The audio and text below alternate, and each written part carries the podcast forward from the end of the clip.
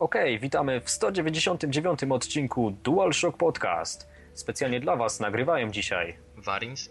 Orzeł. Zerto. oraz Crispin. Nagranie powstaje 13 września, a lista dzisiejszych tematów to Pillars of Eternity. E, Zerto odpowie o swoich wrażeniach z gry. Titan Souls, hybryda Shadow of the Colossus oraz Dark Souls, czy może coś więcej? Guild Wars 2, przejście na model free to play oraz, na sam koniec, Fallout 4, czego się obawiamy oraz czego oczekujemy po tej grze. Zapraszamy do słuchania. Okej, no to na początek zdradzę Wam najnowsze newsy z, e, ze świata growego. Powiem o Dragon Age Inquisicja, e, ostatnim dodatku, który nazywa się Trespasser. Będzie on e, swoistym mo- pomostem do następnej części Dragon Age'a.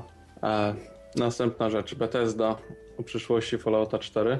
Mianowicie wiemy już, ile będzie kosztował Season Pass do gry. Będzie kosztował 30 dolarów i będzie zawierał e, dodatki, które w przyszłości wyjdą do gry. A dodatki mają być o wartości 40 dolarów. Na nasze będzie kosztować około 114 zł. E, Czyli taki A, standard wśród y, przedpremierowych gier jeszcze. Gdzie w No zasadzie ta, ten dodatek Season Passa do Bethesdy to chyba będzie w cenie, znaczy Season Pass do, do, do, do Fallouta 4 chyba będzie w cenie normalnej gry, więc dla mnie to jest trochę dziwne. No i tutaj mam napisane, że przepustka sezonowa będzie kosztowała 30 dolców. Okej. No. Czy wiesz, Season Pass do Wiedźmina trójki ch- chyba też trochę kosztował. Z tego co wiem.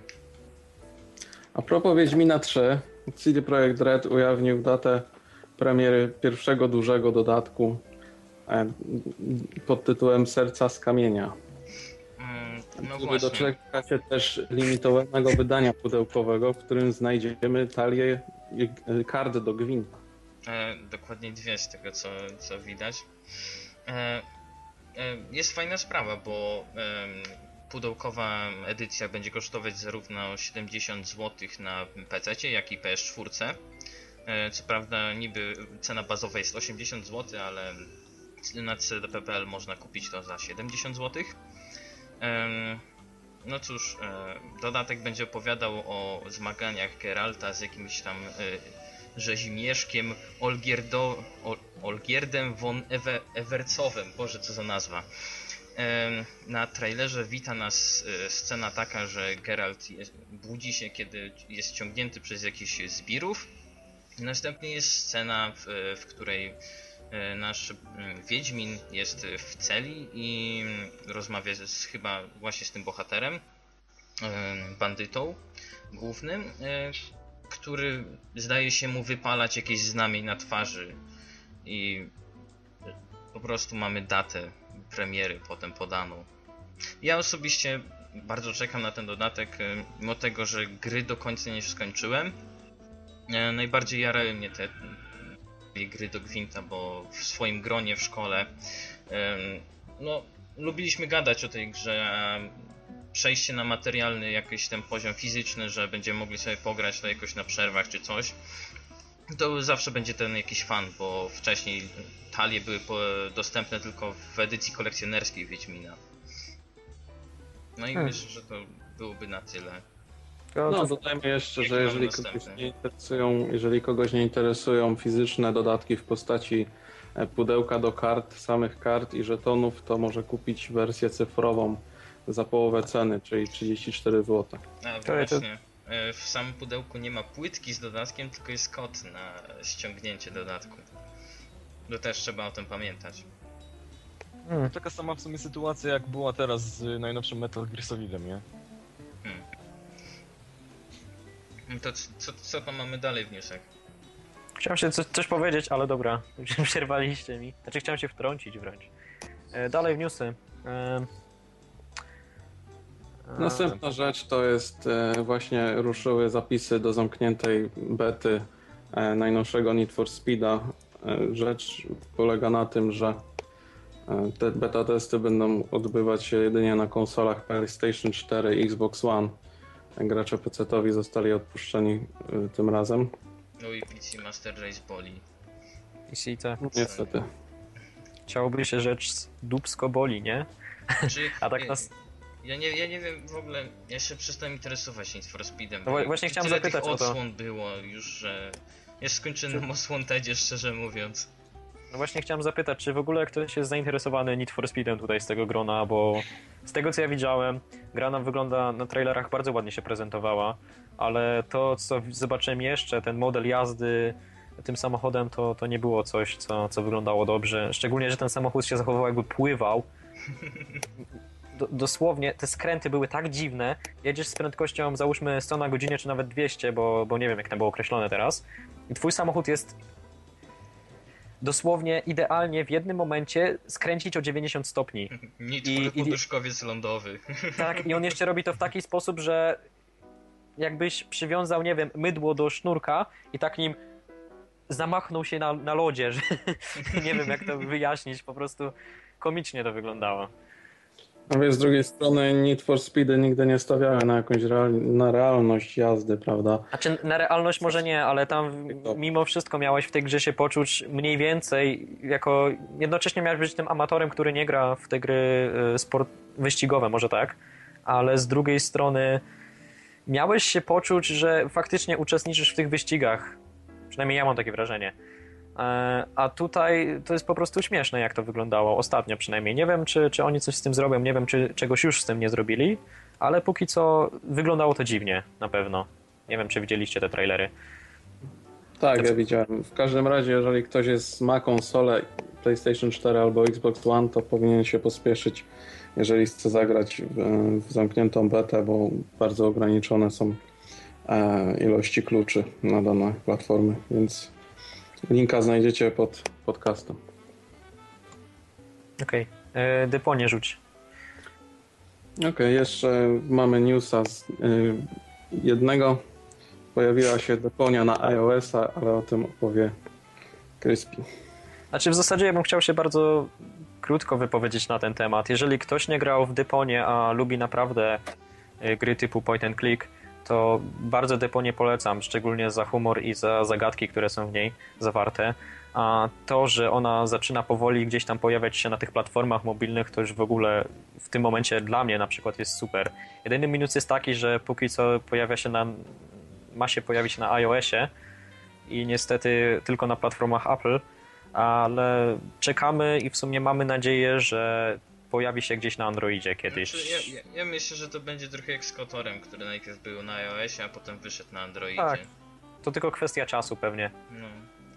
W ogóle, Chociaż- w ogóle to byłoby fajna sprawa, gdyby takie point and clicky były właśnie portowane na urządzenia mobilne, bo To znaczy, no, to, to, to są ekrany dotykowe, tak, no to to jest idealna rzecz, jeśli chodzi o ten sprzęt. znaczy i tak i nie, ale już to, to nie jest tutaj temat na dyskusję. Powiem ci tylko, że ostatnio całkiem dużo point and clicków jest portowanych na urządzenia z Androidem, w ogóle platformy, wszystkie platformy mobilne.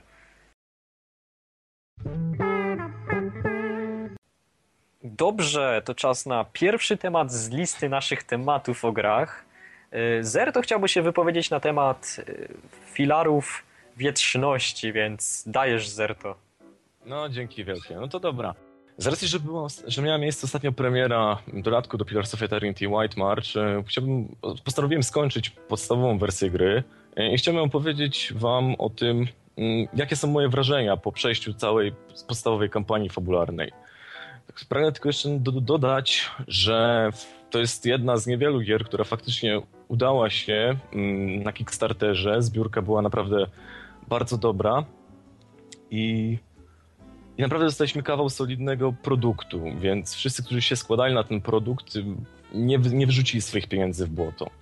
Największym plusem według mnie, jaki ta gra ma do zaoferowania, jest fabuła, która zaczyna się od jakichś tam banalnych rzeczy, jak mm, pr- problemy mm, ogólnie z plonami, z, z dzietnością, że dzieci się nie rodzą i ogólnie wszyscy tam e, no, Typowa plaga taka związana Typowa, typo, typowa plaga, z nacją, typowa plaga z jakiejś katastrofa. Gry, Ten- tak, tak z, danym, z- z danym miejscem w świecie, w którym się akcja rozgrywa. E, I w, wraz z rozwojem fabuły e, ta fabuła zaczyna się mm, coraz bardziej rozszerzać. Ona zaczyna się robić faktycznie taka soczysta, że pod koniec gry, gdy ja już tą mm, grę kończyłem, byłem tak nakręcony, żeby ją skończyć, że to akurat była sobota, więc siedziałem chyba do trzeciej czy do czwartej rano tylko i wyłącznie po to, żeby zobaczyć, ukończyłeś grę. E, Takie smutne, była tak zła, że chciałeś ją skończyć. Szybciej. była tak dobra.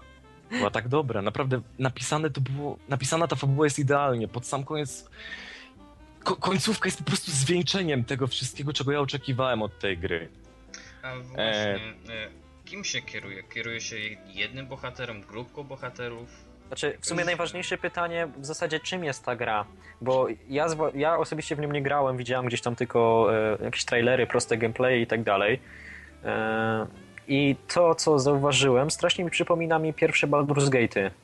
I teraz e, może opowiedz jakby o samej mechanice gry, może nie tak bezpośrednio, ale o tym, co się dzieje w grze, jak ją zaczynasz. I tak jak mówi tutaj e, Szymon, iloma postaciami sterujesz?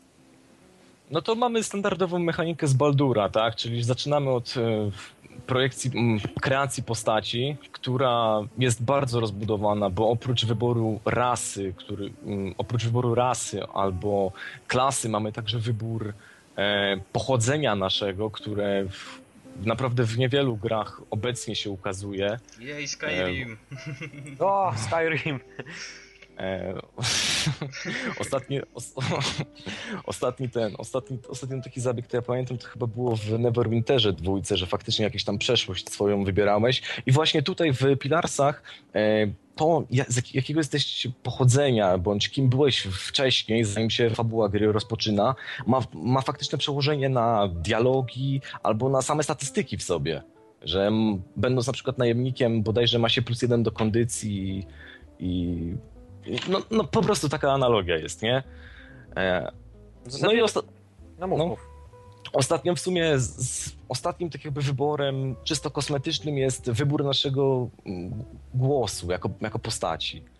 E, więc tutaj mechanika no, no, typowo baldurowa, tak? Kreacja postaci i tak dalej, i tak Ale dalej. ten wybór głosu jest taki jak, nie wiem, w Simsach, że masz trzy dostępne Mm. głosy i sobie je modulujesz, czy jakoś inaczej to wygląda? Wiesz co? Nie pamiętam dokładnie, jest chyba z góry określonych sześć głosów, z czego, mm, jeżeli dobrze pamiętam, to możesz wybrać sobie głos kobiety grając mężczyzną, więc no, to, to, też, te- też trochę, Słaba gra w Icewindzie było chyba 10. Multigender trochę po śmieszne. prostu. też trochę śmiesznie. Mi się wydaje, że tam Mm, Mów. jeszcze trochę tak głupio zaczęliśmy z, z tymi głosami, ale wydaje mi się, że tam ilość głosów chyba nie ma znaczenia, jeśli chodzi o kreację postaci. To jest okej, utożsamiasz się bardziej z postacią, ale Znaczy, głos No, tak ale naprawdę no- on jest tylko kosmetyczny, żeby ci krzyczał, tak? i Że, tak "A, naprawdę coś- w starych, w starych Baldurach też mogłeś wybrać męski głos dla kobiety. To nie też. Tak, można było. Tak, o, mogłeś nawet w każdym momencie gry chyba zmienić. No, O. nie, nie pamiętam, dawno, dawno grałem. operacje plastyczne w Saints Rowie. Dobra, dobra, lecimy dalej, bo E, tak, tak, tak. E, no i później, no jak już lądujemy do gry, tak, no to mamy standardowy rzut izometryczny dla... Standardowy rzut izometryczny oraz e, grupę boh- stworzoną z sześciu bohaterów, tak. Oczywiście możemy sobie sami wybrać e, bohaterów w karczmach, możemy ich tam zakupić i odpowiednio rozdysponować punkty, albo możemy właśnie przyłączyć do naszej drużyny postacie, jakie napotykamy podczas naszej podróży. Oczywiście wiadomo, te postacie, które napotykamy są bardziej rozwinięte, mają głębszą fabułę, są do nich specjalne, do każdej z postaci jest osobny quest, jakaś tam linia fabularna, ona ma, ona ma jakąś tam swoją historię i tak dalej, i tak dalej. Em, najbardziej w sumie zapadła mi postać maga, elfa, którego spotykamy w jednej z pierwszych lokacji, bo z nim się wiąże dosyć ciekawa historia, mianowicie później dowiadujemy się, że on jest. mm, jakby to powiedzieć, że ma w sobie dwie osoby, tak jakby, ale faktycznie jest, słychać drugi głos kobiecy w nim. I to jest taki dosyć zabawny aspekt. E, oczywiście tam to można później zdecydować, jak to, jak to rozwiązać, i tak dalej, i tak dalej. A to dopiero trans.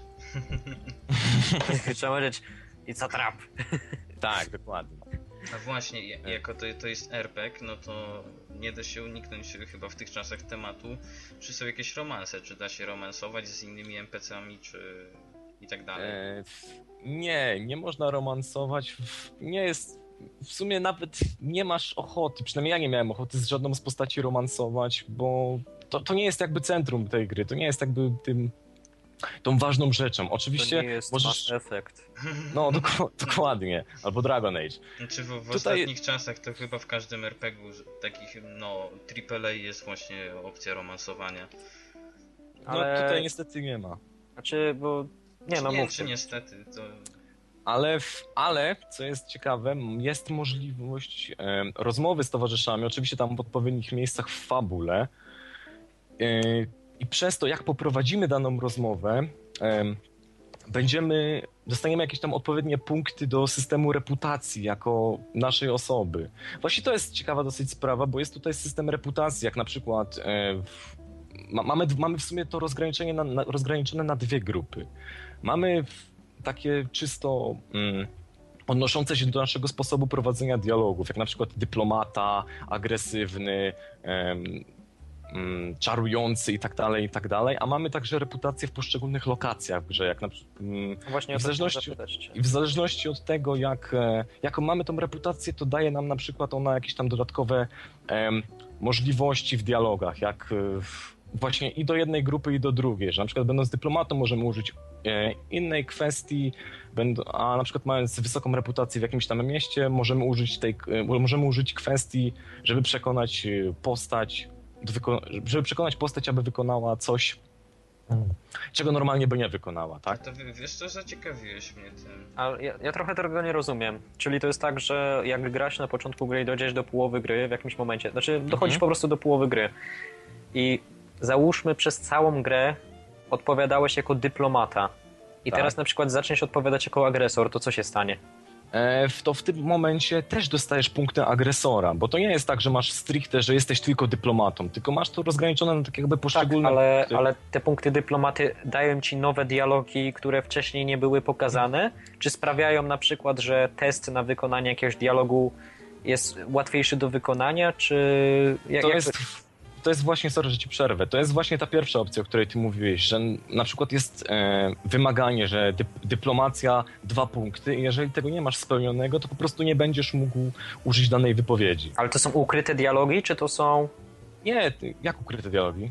E, no nie wiem, no w starych RPGach często miałeś coś takiego, że... A nie, nie, nie, to nie są ukryte dialogi. Normalnie gra ci pokazuje, że na przykład dyplomacja e, jest Aha, zaznaczona na masz warunek do spełnienia. nie spełniono wymagań po prostu, ale nie jest pokazana, nie jest pokazana kwestia, jak na przykład to mieliśmy w innych grach. E, mm, co dalej? Mm, Znaczy, w zasadzie to tak jeszcze, e, ale wtedy to się odbywa na zasadzie testu, czy to jest po prostu tylko spełniony warunek? Czyli mniej, mniej dwa punkty reputacji, żeby coś ci udało, czy to mniej... jest właśnie miej dwa punkty, żeby, co, żeby, żeby po prostu móc A. użyć tej opcji. Ta Okej, opcja okej. ma jakby no stuprocentowe, stuprocentową szansę powodzenia, prawda? Okej, okej. E, dobra, co Znaczy- jeszcze? Pytam, bo w zasadzie to, co ty mi tutaj przedstawiłeś, tro, znaczy to jak w ogóle rozumiem tą grę, to jest taki trochę spadkobierca Baldura i to nawet twórcy się z tym chyba nie ukrywają gdzieś. Mhm. I byłem w zasadzie ciekawy, jak testy są wykonywane właśnie, dialogi i tak dalej. Bo czy, czy w grze jest jakaś losowość? Może tak. Hmm, czy w grze jest jakaś losowość? No, Oprócz w, wal- przed, przedmiotów. w walce. W walce, tak? E, Ale przed, losowość w fabule. W sensie, czy coś może ci się nie udać, czy, czy jak masz jakieś warunki spełnione, to zawsze się udaje, czy... Zawsze się udają, zawsze te warunki, jak są spełnione, to nie, zawsze się udają. Chociaż możesz, są oczywiście odpowiednie questy, które można podejść na kilka sposobów. Jak na przykład wykradnięcie em, jakiegoś tam klejnotu z domu rodziny szlacheckiej, to możesz to zrobić na kilka sposobów. Możesz pójść e, i przekonać jakby osobę pilnującą tego klejnotu, żeby ci e, dała dostęp do tych drzwi, a możesz się po prostu zakraść, przez okno wejść. To, to, to jest tak takie tak logiczne. No. Co jeszcze dodaje w sumie takiego uroku tej grze, to są mm, dialogi między postaciami, jak na przykład podróżujemy po mapie, że mm, idziemy sobie gdzieś tam grupą i nagle jedna postać uruchamia jakiś tam dialog określony. Oczywiście te dialogi później się powtarzają, ale i tak na pierwszy raz, jak wszystkie słyszymy, to jest to dosyć e, ciekawy zabieg i bardzo nam pomaga w sumie tak się wgryźć w ten świat. Oczywiście w zależności od tego, jakich mamy bohaterów w drużynie, to te dialogi są inne i o, inne rzecz, i o innych rzeczach oni po prostu rozmawiają. Mm.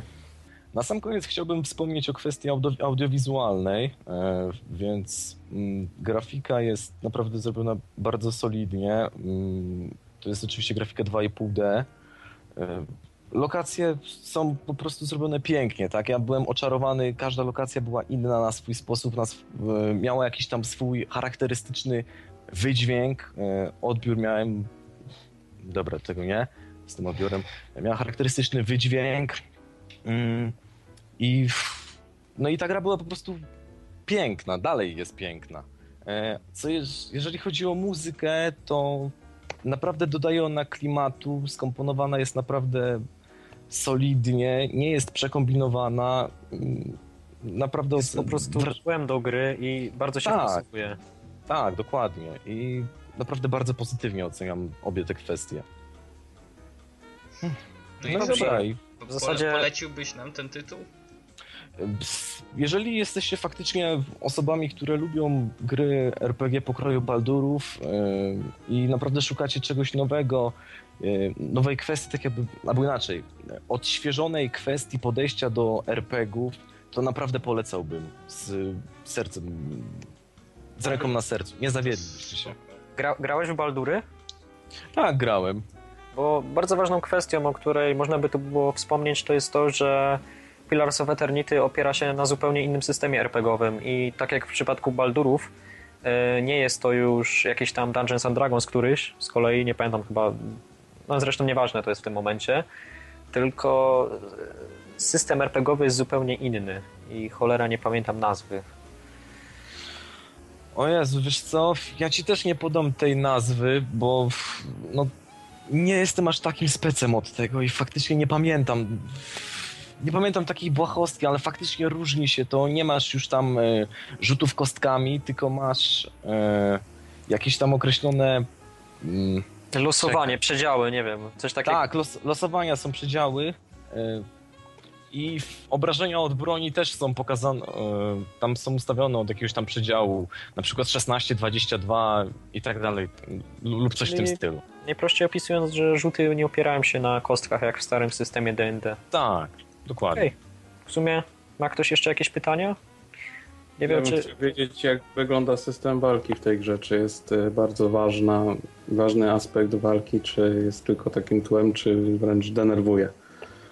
Mm, to ja powiem tak. Jedyna rzecz, z jaką ja się spotkałem akurat na wersji, na której grałem, to czasami po przechodzeniu między mapami miałem cały czas tryb a, walki uaktywniony, co uniemożliwiało mi w ogóle wyjście e, z jakiejkolwiek lokacji. Co do tego, czy walka jest ważna. Mm, ona jest pewnego, pewnego rodzaju dodatkiem, ale jest wymagająca, przynajmniej szczególnie na tych wyższych poziomach trudności, gdy naprawdę trzeba mieć przemyślane, przemyślaną drużynę i trzeba faktycznie monitorować to, co się dzieje na ekranie. Trzeba monitorować paski życia swoje, wrogów, jakich umiejętności użyć i tak dalej. Więc ten element planowania i taktyki samej jest ważny. Dlatego mamy też możliwość, dlatego mamy też um, zamieszczone do tej. Dlatego mamy też do tej gry e, możliwość e, pauzowania. Jest, jest taktyczna pauza. Aha, okay. się odbywa w czasie rzeczywistym z aktywną pauzą. Tak, tak, tak. Jak w Baldurach. A... Zapomniałem, co miałem powiedzieć. Aha. e, W sumie, czy, czy wiesz coś o tym, że na przykład grę można przejść całkowicie unikając walki albo walcząc po prostu sporadycznie gdzieś tam, E, jako dyplomata? Mm, oczywiście jest możliwość e, rozwiązywania niektórych konfliktów bez udziału walki. E, chociaż ostatecznie, znaczy w, większość walki tak trzeba, znaczy niektóre walki trzeba stoczyć, no to wiadomo, tak, jak na przykład z ostatnim bossem gry. E, ale mamy możliwość na przykład, żeby te pojedyncze potwory, jakie tam napotykamy podczas swoich podróży, żeby po prostu się koło nich przekraść, więc to też jest wielkim plusem, bo tak naprawdę tylko od ciebie zależy, czy będziesz chodził i mordował wszystko dookoła, co się napatoczy pod topór, czy też no, po, postawisz na takie bardziej mm, skradanie mm, się w grze. Okej. W zasadzie ktoś jeszcze coś? Ja dziękuję. Okej, ja również dziękuję. No to lecimy na następny temat. Nie wiem, czy wiecie, ale grałem w grę. Hmm, jaką? Nie to, że już po raz któryś to wiecie. Chciałbym wam opowiedzieć o bardzo przyjemnej grze, którą jakiś czas temu grałem, która nosi tytuł Titan Souls i jednocześnie na pierwszy rzut oka wydaje się być taką hydry, hybrydą Shadow of the Colossus oraz Dark Souls. I może, żeby od czegoś zacząć, e, przedstawię wam, jak gra wygląda. E, bo na pierwszy rzut oka w zasadzie to strasznie przypomina Feza. Mamy tam zwyczajnie pixel art, z tą różnicą, że cały rzut jest umieszczony z góry. Mamy widok z góry na głównego bohatera. I, i po prostu, nie wiem, nim sterujemy. No właśnie, E, co, co nim się robi? E, sterujemy jedną postacią, która ma nieskończoną il- ilość żyć.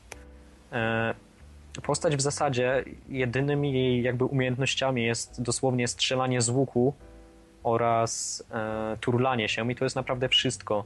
Ale przez całą- czekaj, powiedziałeś, że ma nieskończoną ilość żyć? Znaczy, E, ale mówiłeś, mówiłeś jeszcze wcześniej, e, oczywiście nie teraz, że po, postać jest. y, Można ją na jeden hit z, z, zwalić, tak? Zabić. tak, ale to Czyli zaraz... rozumiem, że, że jakoś od checkpointów się wraca, czy coś?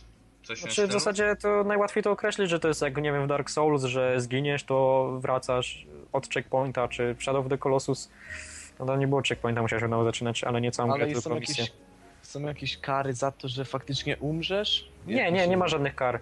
Psujecie mi koncepcję. Więc Dobra, no wracając. e, dlaczego Dark Souls? Dlaczego, dlaczego Shadow of the Colossus? Już mówię i objaśniam. E, w grze w zasadzie mówię, tak sterujemy jedną postacią, która za dużo jakichś tych swoich umiejętności własnych nie ma. E, tak jak wspomniał tutaj Szymon. E, można dosłownie zabić ją, znaczy ginie na tak mówiąc kolokwialnie na jednego hita i gra w zasadzie, żeby ją najlepiej tak streścić, opiera się tylko na zabijaniu tytułowych tytanów, którzy są bossami w tej grze po prostu. I teraz e, dostajemy się do bossa i musimy wymyślić, jak go zabić. I to w zasadzie jest e, najlepsza część tej gry, bo jakby to ładnie określić. E, Wcześniej Szymon się mnie zapytał, co w zasadzie się robi, jak się nie zabija bossów. E, Bo do każdego bossa trzeba dojść i to jest coś w rodzaju podróży. E, W Shadow of the Colossus mieliśmy taki motyw, że za pomocą swojego miecza musieliśmy sobie wyznaczyć drogę do każdego kolejnego kolosa, z którym musieliśmy walczyć. Tutaj motyw jest dosyć podobny, to znaczy e, nie mamy e, bezpośrednio żadnego przedmiotu, który wskazuje nam drogę, ale chodzi mi jakby o samą podróż, że pomiędzy każdym bossem, pomiędzy każdym przeciwnikiem e, mamy jakąś drogę, którą musimy przejść, jednocześnie podziwiając świat w tej grze. Bo o ile świat jest pusty, e, no w zasadzie chyba nie mamy w nim żadnych ukrytych sekretów, czy znaczy nic, co nic takiego, czego byłoby tego dużo. E, A jakby sam świat jest dosyć duży. A Więc właśnie, ja- jaki jest lore gry? O, o czym to opowiada? O kim? w zasadzie fabuły także nie mamy bezpośrednio przedstawionej. Po prostu się pojawiamy e, znikąd. w jednym, w jednym miejscu, w jakimś checkpoincie. Człowiek ze, z łukiem, strzałami i zdolnością do turlania się. No tak, tak, dosłownie pojawiamy się i mamy jedyne co, to przedstaw... Znaczy dosłownie takie krótkie intro, o czym się chodzi, jak się strzela i tak dalej. To jest wszystko. Gra tylko nas uczy podstawowych mechanik, a resztę robimy sami. I gdzieś tam na początku dostajemy tych pierwszych e, przeciwników do pokonania, którzy oczywiście są tymi tytanami. I teraz jakby najważniejsze, o co się opiera sama rozgrywka, ale już tak bezpośrednio. Bo to, że my jesteśmy w stanie zginąć e, od jednego ciosu, to także działa w drugą stronę. Każdy tytan jest w stanie zginąć od, nie, od jednego ciosu, co czyni tą grę taką dość oryginalną, biorąc na przykład pod uwagę, nie wiem, Dark Souls czy inne tego typu gry. Ale rozumiem, że żeby zadać ten cios, to chyba trzeba jak, jakiś e, szereg czynności wykonać, tak? To znaczy, mamy taki motyw, że zawsze musimy wymyślić, jak takiego tytana pokonać. Nie jestem pewien teraz, ile w grze jest dostępnych tytanów do pokonania. Wiem, że jest ich całkiem pokaźna ilość. Ja zabiłem kilkanaście albo no tak podejrzewam do 10 czy tam do, do 20, teraz już nie pamiętam, jakiś czas temu w to grałem. I to był gdzieś tam prawie początek gry. Eee, każdy, każdy z tych tytanów jest zupełnie inny. Każdy z tych tytanów ma jakiś własny szereg umiejętności, czy tam ciosów, ataków i tak dalej. No właśnie, A- wybacz, że ci przerwę, ale ja tego sobie trochę nie wyobrażam. Mamy tylko łuk i strzały i turlanie się. I jak, jak te walki wyglądają? Czy trzeba je Znaczy, sterować jakoś to- elementami otoczenia, czy coś w tym stylu? W sumie fajnie, że o tym wspomniałeś, bo każdy z tych tytanów jest dosyć pomysłowo zrobiony. Nie będę tutaj bezpośrednio spoilował, jak kogoś zabić, czy co z nim zrobić, ale czasami w zasadzie musimy wykorzystać elementy otoczenia, żeby jakiegoś tytana pozbawić życia. I tak jak wspomniałem wcześniej, tytani także umierają na jed... z jednego ciosu, jak gdyby. I teraz jeszcze łuk i strzały to też jest trochę naciągane, bo w zasadzie to jest łuk i jedna strzała. I tą wystrzeloną strzałę e, bo w zasadzie całe sterowanie opiera się chyba tylko o kilka przycisków. Mamy chodzenie strzałkami, turlanie się i strzelanie. I następny przy... jednocześnie strzelanie to jest przyciąganie strzały. To znaczy, jeżeli wystrzelimy tą strzałę, ona gdzieś tam jest jakiś. e, Jest jakaś odległość e, od niej, znaczy my stoimy w jakiejś odległości od niej, to tym samym przyciskiem tą strzałę przyciągamy. I walka właśnie z bossami zazwyczaj po prostu sprowadza się do prób i błędów. I jak wystrzelić tą strzałę, w którym momencie ją wystrzelić, co zrobić, aby trafić tego przeciwnika w ten akurat czuły punkt.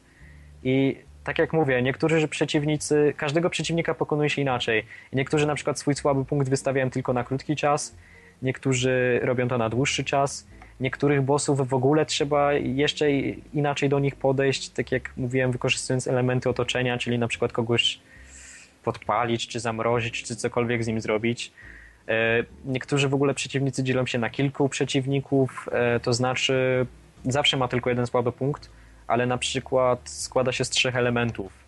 Więc to jest gdzieś tam to, co czyni tą grę taką dosyć oryginalną. Znaczy, oryginalną nie wiem, czy nie przesadzam, ale wiem, że dawno nie grałem nic e, podobnego do, do tej mechaniki.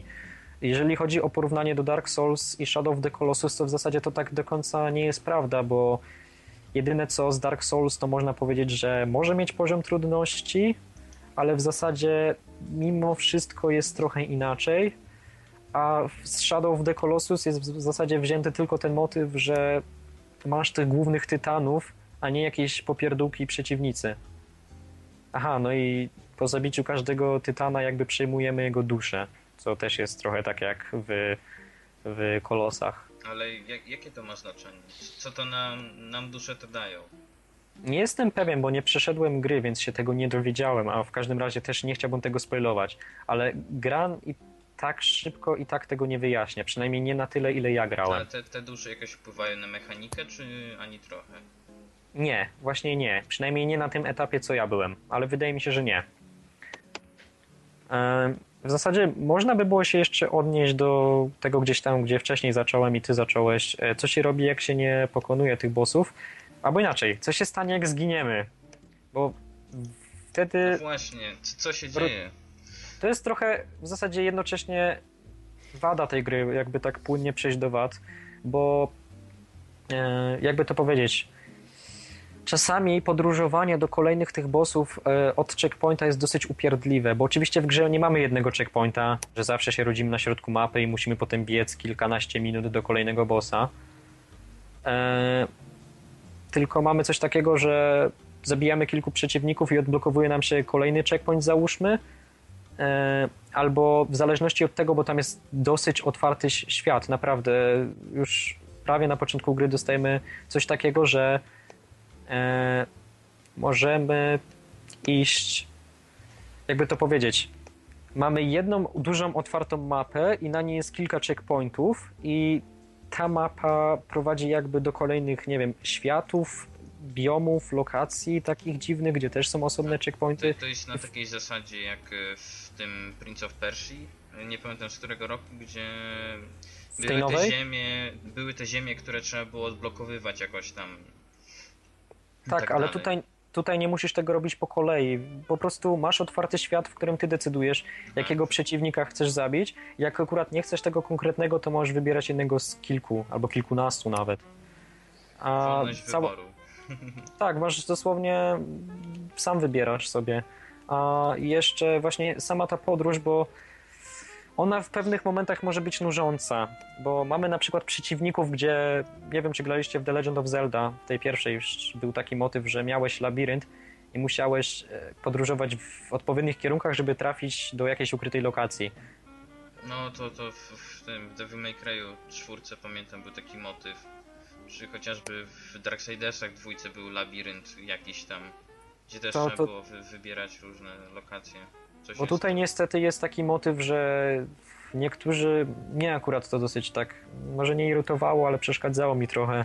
E, miałeś na przykład checkpoint i do jednego bossa musiałeś iść przez labirynt za każdym razem, jeżeli zginąłeś, żeby się do niego dostać i żeby z nim walczyć, a na przykład bardzo łatwo było przy nim zginąć. To było takie dosyć nieciekawe. Był kolejny boss, który miał podobną sztuczkę związaną z tym. To też było dosyć nieciekawe, ale ta, tak naprawdę to, czy ta podróż do tych bossów od checkpointa nam przeszkadza, zależy tylko w sumie chyba od, od danej osoby, bo często ginąc i pojawiając się z powrotem gdzieś tam w checkpoincie, mamy chwilę zastanowienia nad tym, jak danego przeciwnika pokonać, jakiej taktyki użyć. Po prostu mamy chwilę na ochłonięcie, żeby zrozumieć albo żeby poszukać metody, jak go pokonać Przeanalizować swoje błędy. przeanalizować swoje błędy oczywiście. Tym bardziej, że bardzo często to jest nieoczywiste, jak do tych bossów trzeba podejść. Niestety żyjemy, znaczy żyjemy to może też jest złe określenie takie. E, Mamy po prostu dostęp do internetu w dzisiejszych czasach taki, że możemy za każdym razem sobie wejść i sprawdzić, jak danego bossa pokonać, ale akurat w tej grze to jest okropny minus, bo moim zdaniem najlepsze co jest, to jest właśnie odkrywanie tego, jakiej taktyki użyć, czy, czy co zrobić, aby danego przeciwnika pokonać. No ale to już zależy od człowieka, czy chce sobie To jest- zepsuć grę, czy tak. chce grać fajnie. Tak. Znaczy zepsuć może to też nie jest tak do końca, ale mi osobiście największą frajdę sprawiało wymyślanie, co zrobić, żeby kolejnego przeciwnika pokonać. Ym, Czy I to, wiesz, to, to jest jak spoilowanie zagadek w portalu, tak? No trochę tak. Może to znużyć trochę, bo jak ma, dostajesz już któryś raz z rzędu przeciwnika, którego za cholerę nie masz pojęcia, co z nim zrobić, to możesz się denerwować. Z drugiej strony dawkowanie tej gry pomału jest naprawdę przyjemne. E, Aha, no i w zasadzie można by jeszcze dorzucić tą muzykę z tej gry, bo muzyka z gry jest także taka dosyć kojąca i uspokajająca i bardzo dobrze komponuje się z tym światem przedstawionym w grze. E, No i w zasadzie chyba tyle. Macie jakieś pytania czy, czy coś? Moje chyba się wyczerpały. Ja nie mam żadnych pytań. Nikt nie jest zainteresowany. Dwa na Nie no, dziesięć. Gra, gra wygląda z, z tego co opisujesz, no to wygląda spoko, tylko nie wiem czym podeszło z, tą, z, z tym właśnie bieganiem do bossów ciągłym. To znaczy, Ale mógłbym spróbować. trochę przesadziłem, bo to nie wygląda tak, że ta podróż trwa, nie wiem, 10 minut, czy tam. Zazwyczaj to się sprowadza do kilku sekund. Czasami jest do kilkunastu, jak mówiłem, przejść, e, przejść przez labirynt. Że tam zajmuje ci to jakieś 15 sekund. No i to może być takie mech, ale nie jest tak źle. Kiedyś loading. mam chociaż w sumie jedno pytanie, tak. Jak y, inaczej, bo rozumiem, że ty tam kilka, kilkanastu tych bossów zabiłeś, tak, tych tytanów. Ile mniej więcej tak y, najdłużej zajęło ci y, znalezienie sposobu, jak pokonać danego przeciwnika? Pamiętasz może jakoś, nie wiem, w jakieś ramy czasowe mógłbyś to umieścić? To znaczy większość przeciwników e, chyba na pierwszy rzut oka widzisz jak zabić. Chodzi o to, żebyś miał odpowiedni refleks, żeby na przykład go trafić. Bo ty widzisz, że to się cholera świeci w nim, tak? Dostajesz jakiegoś golema i on świeci okiem czy czymkolwiek tam ma na plecach i ty po prostu wiesz, że tam musisz trafić.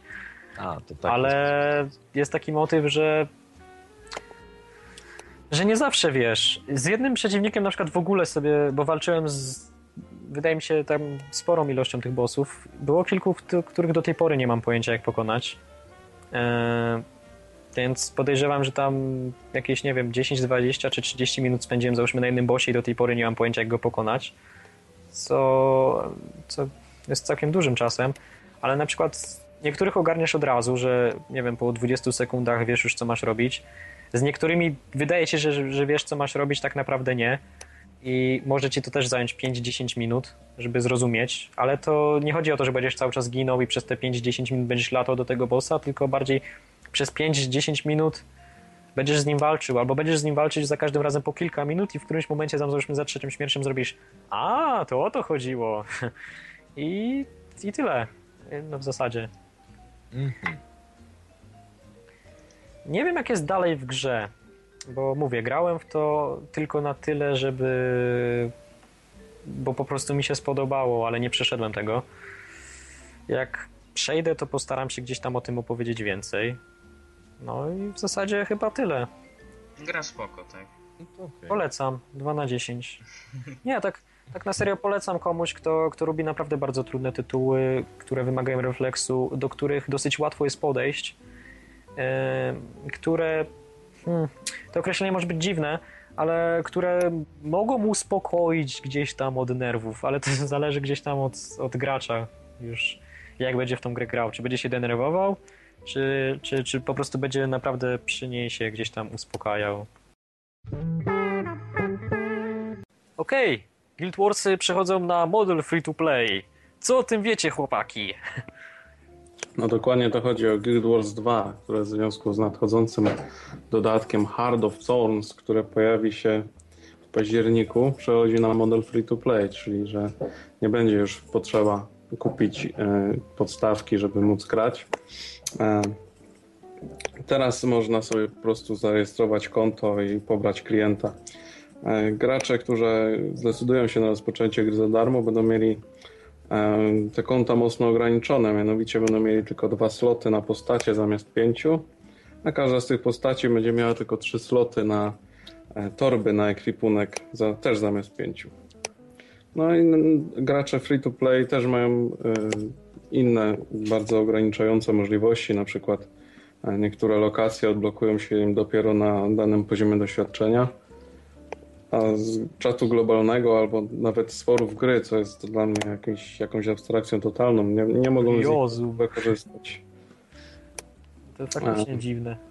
No, dodatkowo nie otrzymują nagród za logowanie, a z rynku przedmiotów mogą kupować tylko określone rzeczy. No i jeszcze też jest sprawa tego, że mm, nie będą mogli wysyłać w mailach bodajże złota, yy, i odbiera. Czy znaczy będą mogli. Nie będą chyba właśnie mogli. Jak to by było? Hmm.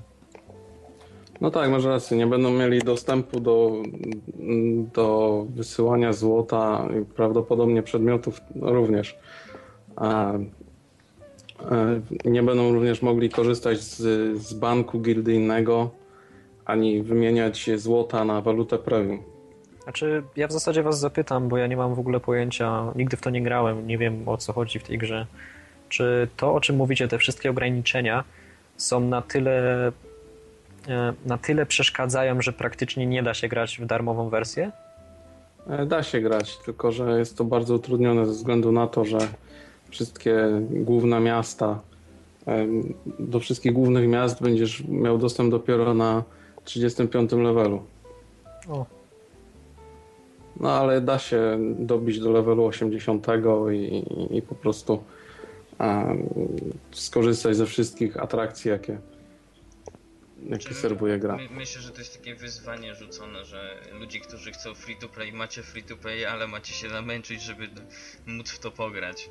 A ludzie tacy, no, którym nie za bardzo się raczej chce męczyć, no to kupił sobie coś tam, nie wiem, premium Czy... jest, coś w tym stylu, tak? Mi się tak, bardziej jest wydaje... waluta premium, za którą możesz kupować różne przedmioty w, w tym w, sklepiku. No myślę, że dla komfortu grania chyba człowiek, który się decyduje w Guild Wars 2 pograć, no to kupi sobie to premium. w zasadzie mam takie bardziej istotne pytanie. Czy myślicie, że to po prostu jest zwyczajny skok na kasę, czy nie? Nie, wiesz co, ja ci powiem, że cała sprawa z tym nie jest skokiem na kasę, bo to pokazuje, jakie możliwości mniej więcej ma gra do zaoferowania, tak? I oczywiście one wszystkie są odblokowywane, tak jak wcześniej wspominaliśmy, że nie można wysyłać złota, itemów, bądź ograniczone rzeczy i tak dalej, i tak dalej. I się odblokowuje właśnie po zakupieniu tego mm, dodatku, który teraz wyjdzie. No tak, możemy powiedzieć, że dodatek zawiera podstawową wersję gry, dlatego, tak jak mówiłem, dodatek wychodzi w październiku. Jeżeli już teraz zakupisz dodatek, to mając darmowe konto, te wszystkie ograniczenia po zakupie dodatku ci się zniosą od ręki. Czyli rozumiem, że to, to jest taka zachęta trochę, jak, jak było w WoWie, że mia, można było chyba tam do 20 levela nabić y, na, za darmo, a potem trzeba było płacić. Taki ale test możliwości tej gry, tak? Dokładnie, dokładnie. Tak. W ten sposób to traktuję, że nie masz tutaj ograniczenia levelowego, nie? No. Ale z drugiej strony chyba w WoWie e, nie miałeś takich ograniczeń, jeśli chodzi o, nie wiem, miasta czy, czy coś innego. Czy, czy miałeś... Znaczy, mm, te dalsze miasta, z tego co pamiętam w WoWie, no to trzeba, trzeba było mieć trochę wyższy level i jednak e, Aha, dobry czyli jednak było żeby, żeby się odnaleźć trochę już tam. Mhm. No dokładnie. Znaczenie, że w, w Guild Wars 2 mikrotransakcje były zawsze e, taką dosyć e, prężnie działającą rzeczą, bo z czegoś trzeba otrzymać te serwery, skoro nie było abonamentu. Jeden typek pisał na jakimś forum gry, że miesięcznie wydawał i tak 50 dolarów, a dla porównania dodam, że miesięczny abonament do World of Warcraft kosztuje 15 dolarów. A dodatek, e, dodatek do gry, który wychodzi w październiku, można kupić za 170 zł. Więc cena jakby bardzo wygórowana jak na dodatek. No strasznie, tylko trzeba pamiętać o tym, że... Znaczy, ale z drugiej strony to co mówisz, że tam ktoś nam płaci na forum czy coś, znaczy po prostu płaci za dodatkowe rzeczy, z drugiej strony nie masz wymogu, żeby to płacić, żeby móc normalnie grać. Tak jak, na przykład, tak jak na przykład właśnie opłata abonamentu w grze. E, więc a sama cena dodatku w stosunku do gier no zależy jak sobie to przeliczasz. Jak sobie przeliczysz na, na ile już przegranych godzin, to może nie jest aż taka duża cena, to 170 zł. A, a, ale z drugiej strony to jest w sumie dodatek, więc nie wiem, nie mam pojęcia co o tym sądzić w sumie. Zawsze, zawsze w takich sytuacjach ludzie, którzy kupili grę na samym początku się czują z, z reguły trochę oszukani.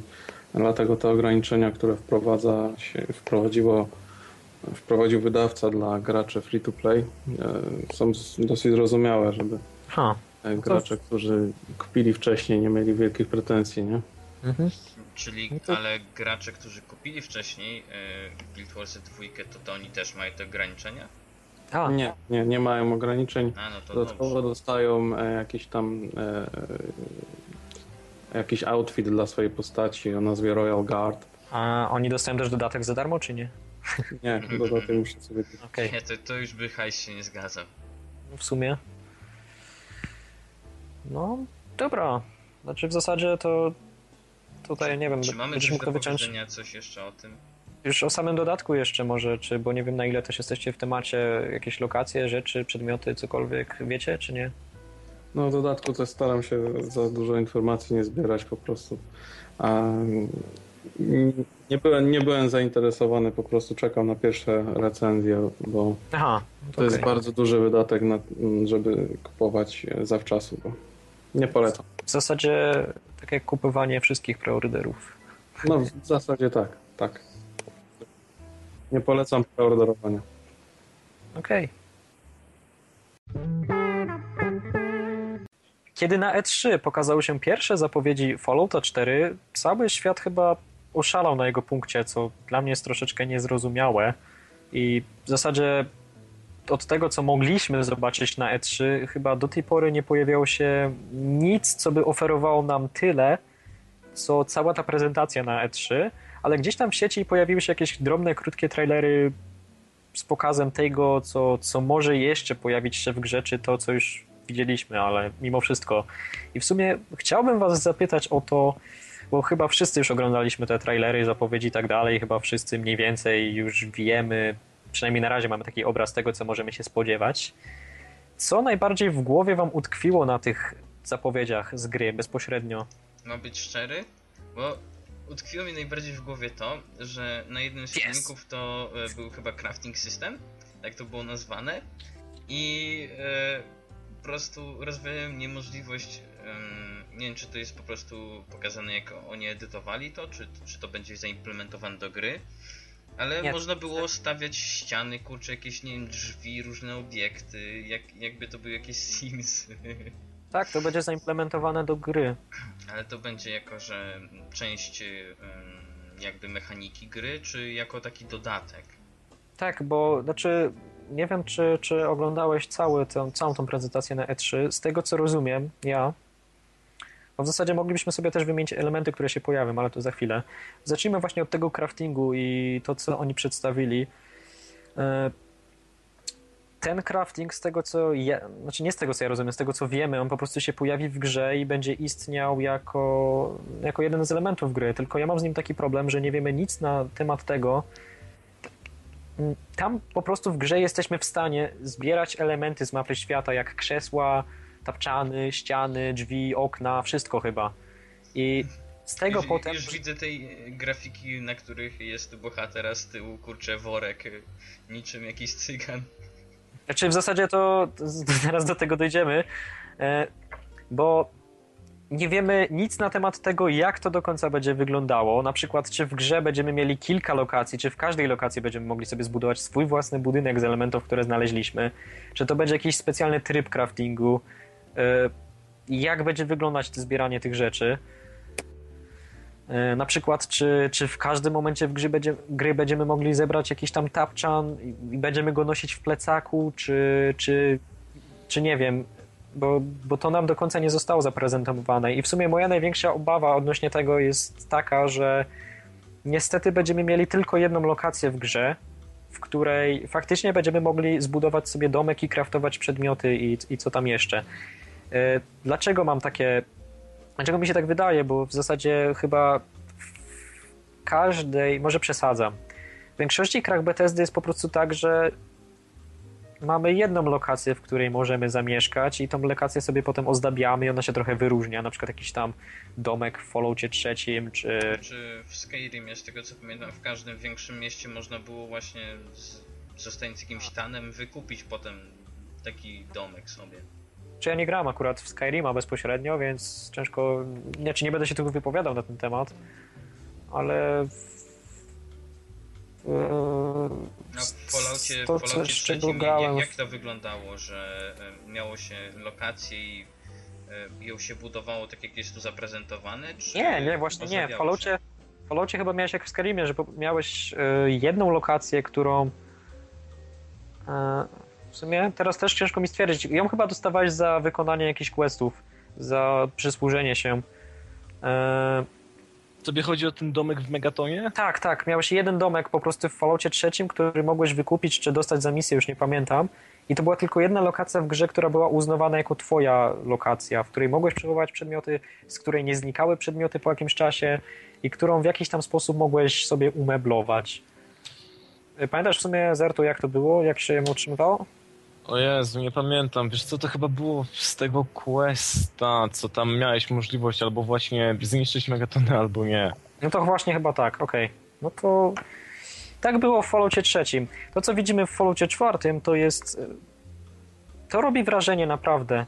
To, jak ten system craftingu y, tych, tych domków i tak dalej wygląda, y, tym bardziej, że Czy to, to jest trochę wygląda jak The Forest. Bo Znaczy, najlepiej to tego, przedstawić- Z tego, co wiem, to jest podobny system budowania. ktoś się zaśmiał, że to jest y, Fallout 4 aka Skyrim aka Minecraft Edition. I to chyba był Świder. Więc Pozdrawiamy Świdra. Pozdrawiamy Świdra.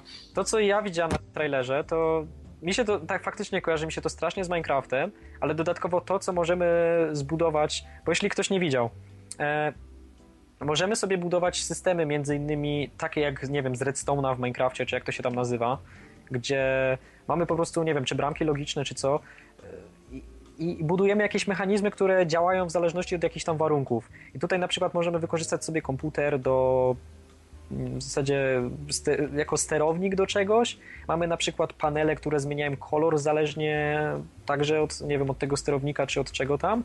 I możemy na przykład sobie zrobić taki wyświetlacz na ogromnej ścianie, gdzie wyświetlamy sobie własną grafikę.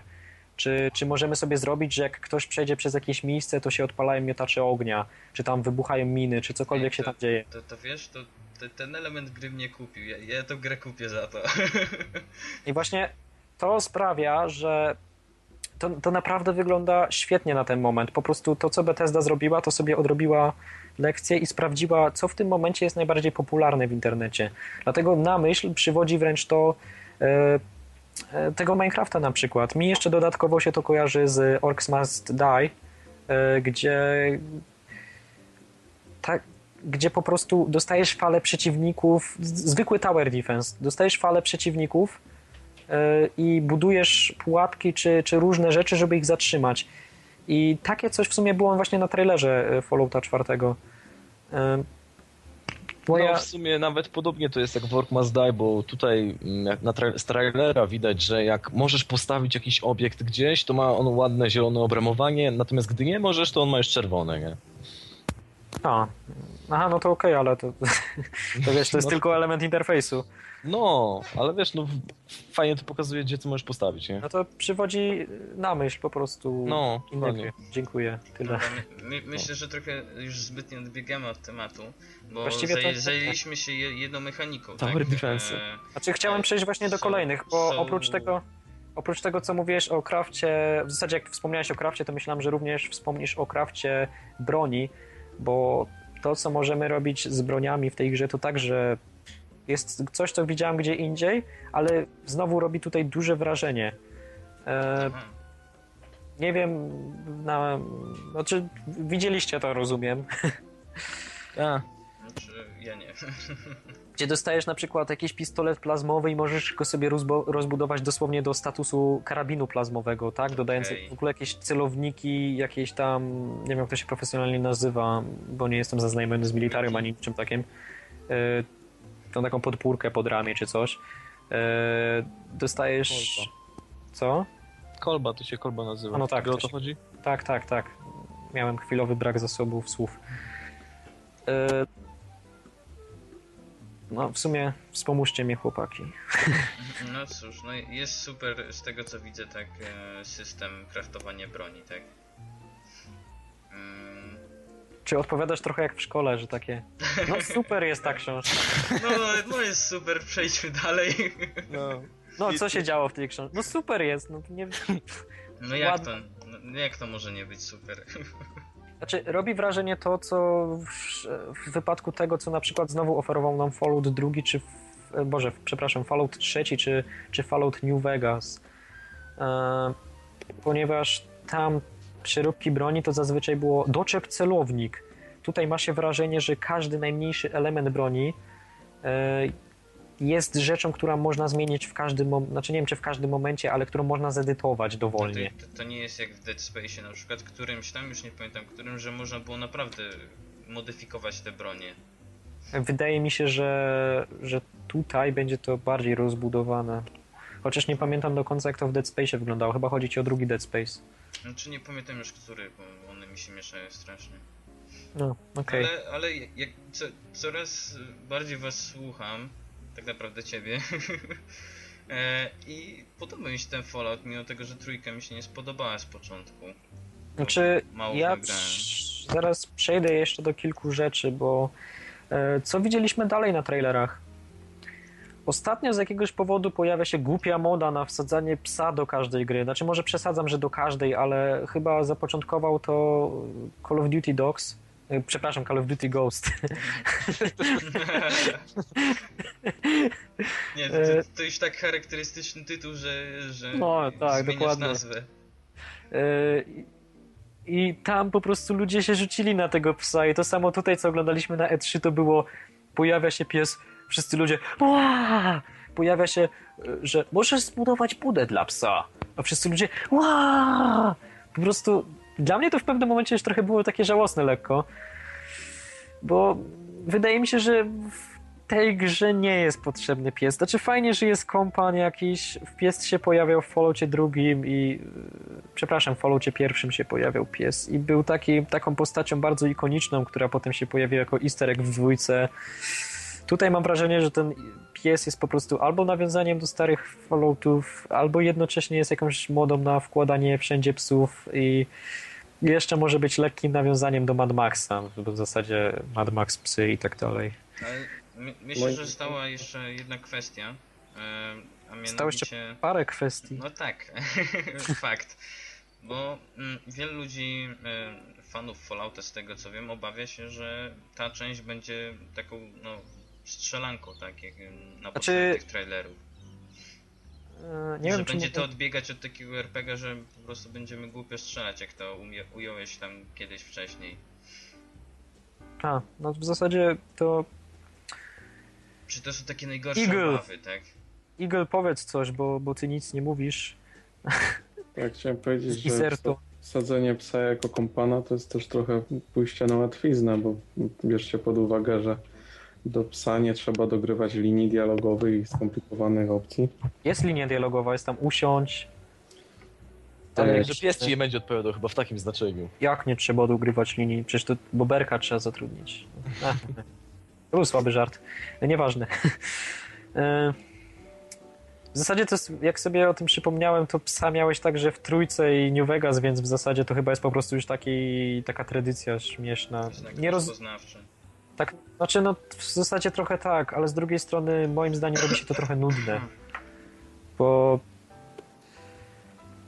nie wiem, nie wiem czy to jest potrzebne. Fajnie, że zrobili, fajnie, że ten element jest taki, że ten pies jest bardziej interaktywny, ale ten, ten pies może się wydawać interaktywny tylko na pierwszy rzut oka. Może się okazać w grze, że on jest strasznie taki powtarzalny.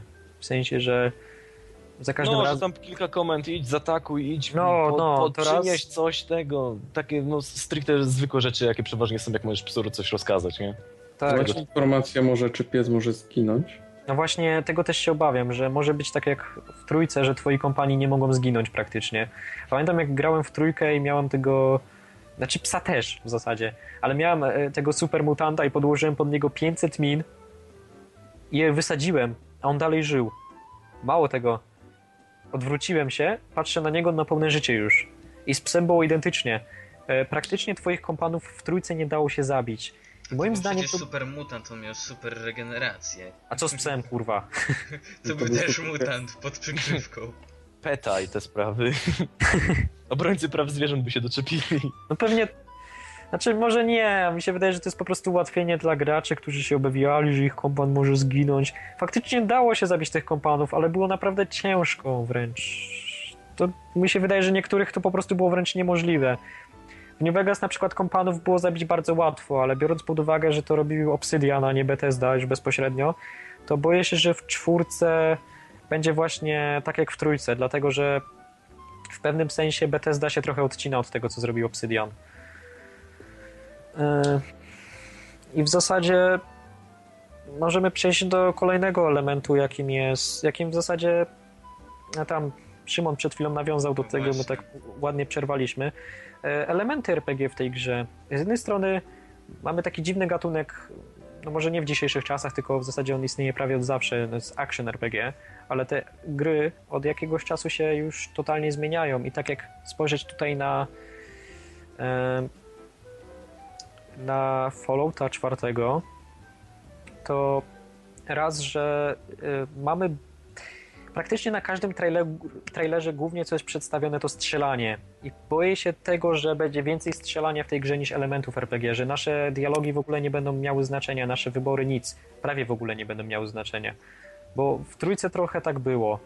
E, I właśnie jeszcze jedną kwestią są same dialogi, gdzie mamy gdzie to, co nam zaprezentowała Bethesda, było trosz, trochę śmieszne. E, nie wiem, czy ktoś grał w pierwsze Fallouty. Znaczy, ze słuchaczy na pewno ktoś grał. E, z tego, co wiem, to, to tylko Szymon nie grał. W pierwszych Falloutach, jak mieliśmy postać z inteligencją 1, to ona była totalnym debilem, za przeproszeniem. To znaczy, nie umiała nawet mówić. I żeby jakoś to wam przedstawić, e, w świecie Fallouta pies ma inteligencję od 1 do 3. Jeżeli ty zaczynasz z postacią, która ma inteligencję 1, to jesteś jedną z najgłupszych postaci w tym świecie, podejrzewam. E, I w zasadzie w pierwszych Falloutach, jak zacząłeś grać, to taką głupią postacią to w zasadzie miałeś drugą grę. Dlatego, że każdy dialog w grze był zmieniony. I twoje dialogi były zupełnie inne. Coś, czego nie mogłeś wybrać na żadnym innym poziomie trudności. Znaczy, na żadnym innym poziomie. Yy... Zaciąłem się. Yy... W innej grze? Tak, tak, na każdym innym poziomie inteligencji. Yy... I nawet retoryka w tym wypadku ci nic nie dawała. W trójce niestety także to, znaczy porzucono to zwyczajnie. Tam jak zaczynałaś postacią z inteligencją 1, to specjalnie się nic nie zmieniało. W New Vegas starali się do tego wrócić ze względu na to, że to Obsidian robił, ale w rzeczywistości to także nie działało. Dlatego, że w New Vegas masz e, nie masz ukrytych dialogów tak jak w pierwszych częściach. I w New Vegas mogłeś zacząć kompletnym idiotą, który miał retorykę na maksymalnym poziomie. I to było o tyle absurdalne, że mogłeś wypowiadać się postacią z inteligencją 1 jak, nie wiem, jakiś przywódca, że z jednej strony ktoś do ciebie mówi ty debilu, a ty do niego mówisz taką ładną, wręcz, nie wiem, elokwentną wiązanką. Ej, to trochę to jest, jak politycy jest, w naszym kraju. Tak, to, ale to jest, to jest tak nielogiczne. To jest... Po prostu w New miałeś dostępne wszystkie dialogi i tam tylko wybierałeś sobie... E, tam sobie tylko wybiera... Tam inaczej, tam tylko spełniałeś warunki i to jest wszystko. Ale większość dialogów w grze nie się nie zmieniała, nie, niezależnie od tego, ile miałeś inteligencji. E, to, co nam zaprezentowała czwórka niestety, to jest ukazanie tego, co było chyba w trójce. To znaczy, masz postać z inteligencją 1, tak jak gościu zaczął i na jakimś tam trailerze, czy tam na jakiejś tam prezentacji i to kompletnie nie miało wpływu na dialogi w grze. A to jest jeszcze nie wszystko. E, pojawiają się gdzieś tam obawy, że system dialogów będzie działał na tej zasadzie, że będziemy mieli tylko cztery dialogi do wyboru maksymalnie w jednej konwersacji. To znaczy, jakby to powiedzieć, na Cztery kwestie dialogowe Cztery kwestie na dany dialogowe. moment rozmowy. O. Tak, o, no ładnie to powiedziałeś, ładnie to ująłeś. I to też jest cholernie, moim zdaniem, niepokojące, biorąc pod uwagę, znaczy te upuszczone dialogi, te cztery kwestie. Każdy może powiedzieć, że przecież w Wiedźminie trzecim jest tak samo, tylko w Wiedźminie trzecim, e, pomijając to, że mam Geralta, który jest mistrzem sarkazmu, ironii i wszystkiego innego, e, Geralt to, co wybieramy w opcji dialogowej jest nieoczywiste. E, wręcz czasami niektóre wybory są takie, że zaczynasz, myślisz sobie, a wybiorę tę opcję. Patrzysz, że się dzieje zupełnie coś, co poszło nie po twojej myśli. Tak totalnie, że wybory moralne, nieważne. E, no to prawda akurat. Tak pozwolę sobie przytoczyć przykład. Jeżeli ktoś z was grał, to na pewno pamiętacie, gdy była rozmowa z Kairą Metz na tamtej wyspie na środku mapy. No dobra, tak, tak off-top, no. Dawaj, leć z myślą dalej. Myślałem, że to przytoczy, ale okej. Okay. E, dobra, w czwórce masz wrażenie, przynajmniej po tym, co nam prezentuje BTSD, jak już wspominałem któryś raz, że te dialogi będą cholernie uproszczone na tyle, że one jednoznacznie ci będą mówić zrób to, albo gdzie po prostu w dialogu będziesz miał już wynik tego, tej rozmowy. E, nie wiem, to na razie są tylko przypuszczenia, tych dialogów nie było prawie w ogóle pokazanych, więc ciężko stwierdzić. E, zobaczymy, co z tego wyjdzie. E, no i tyle. No po prostu się boimy tej, tej, tej, tych dialogów i tych, tego systemu RPG. E, co dalej? W zasadzie można się przyczepić do samej walki i do, do samej walki i jednocześnie do, do klimatu w grze. Dlaczego? Ja tutaj ze Świdrem wcześniej gdzieś tam rozmawiałem na temat e, Fallouta 4 i tylko o tym wspomnę, bo w zasadzie nie będziemy gdzieś tam już o tym dyskutować. W Falloutie 4 pojawia się za dużo power armorów. Jest ich na tyle dużo, że mam wrażenie, że w następnej części będą je dodawać do płatków śniadaniowych. To jest po prostu głupie moim zdaniem, że e, każda kolejna część ma coraz więcej power armorów, a biorąc pod uwagę, że to jest technologia sprzed wojny, to jest po prostu śmieszne. I szczególnie to, co nam tutaj pokazują, to gameplayowo może być super, że mamy yy, power armor, który może latać. Z drugiej strony, moim zdaniem, strasznie odbiera to klimat. E, naprawdę. E, jeszcze w sumie jedną rzeczą, która strasznie odbiera mi klimat, to te pustkowia, gdzie ściany po prostu, albo niektóre budynki wyglądają lepiej niż niektóre budynki w Polsce, więc podejrzewam, że mamy tutaj lepszą postapokalipsę niż w Falloutie czwartym. Znaczy, oczywiście to wszystko jest do zmiany, ale z tego co oni powiedzieli, to, to, to gra już jest ukończona i w zasadzie tylko tam gdzieś tam doszlifowują albo czekają na premierę. Yy... Ostatnia kwestia. Yy... Aha, chcia... chciałem jeszcze przejść do właśnie elementów walki, bo mamy trailer, gdzie po prostu widzimy, jak postać wsiada do pancerza wspomaganego. I to wygląda fajnie. To jak ta postać dosłownie ta, ta nie maska, tylko cały ten pancerz się w niego wczepia i widzimy go z widoku, znaczy widzimy jego oczami z widoku za tego hełmu przez ten wizjer i, i kroczymy tym ciężkim pancerzem e, po tym zniszczonym mieście. E, z drugiej strony, jak już mam się przyczepić, to walka wygląda w tym momencie beznadziejnie. To znaczy przeciwnicy są niesamowicie wręcz kurewsko głupi dostajesz ludzi ubranych w jakieś opony i w pancerze wskórzane, co robią? Znaczy inaczej.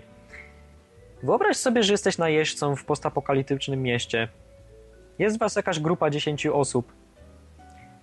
Przychodzi do ciebie gościu ubrany w pełny pancerz wspomagany z miniganem. Co robisz? Oczywiście, że rzucasz się na niego z jakimś tam koltem czy pistoletem 9 mm, przecież masz skórzaną zbroję. Ale przecież heroizm. Ale ty nie... Ty z...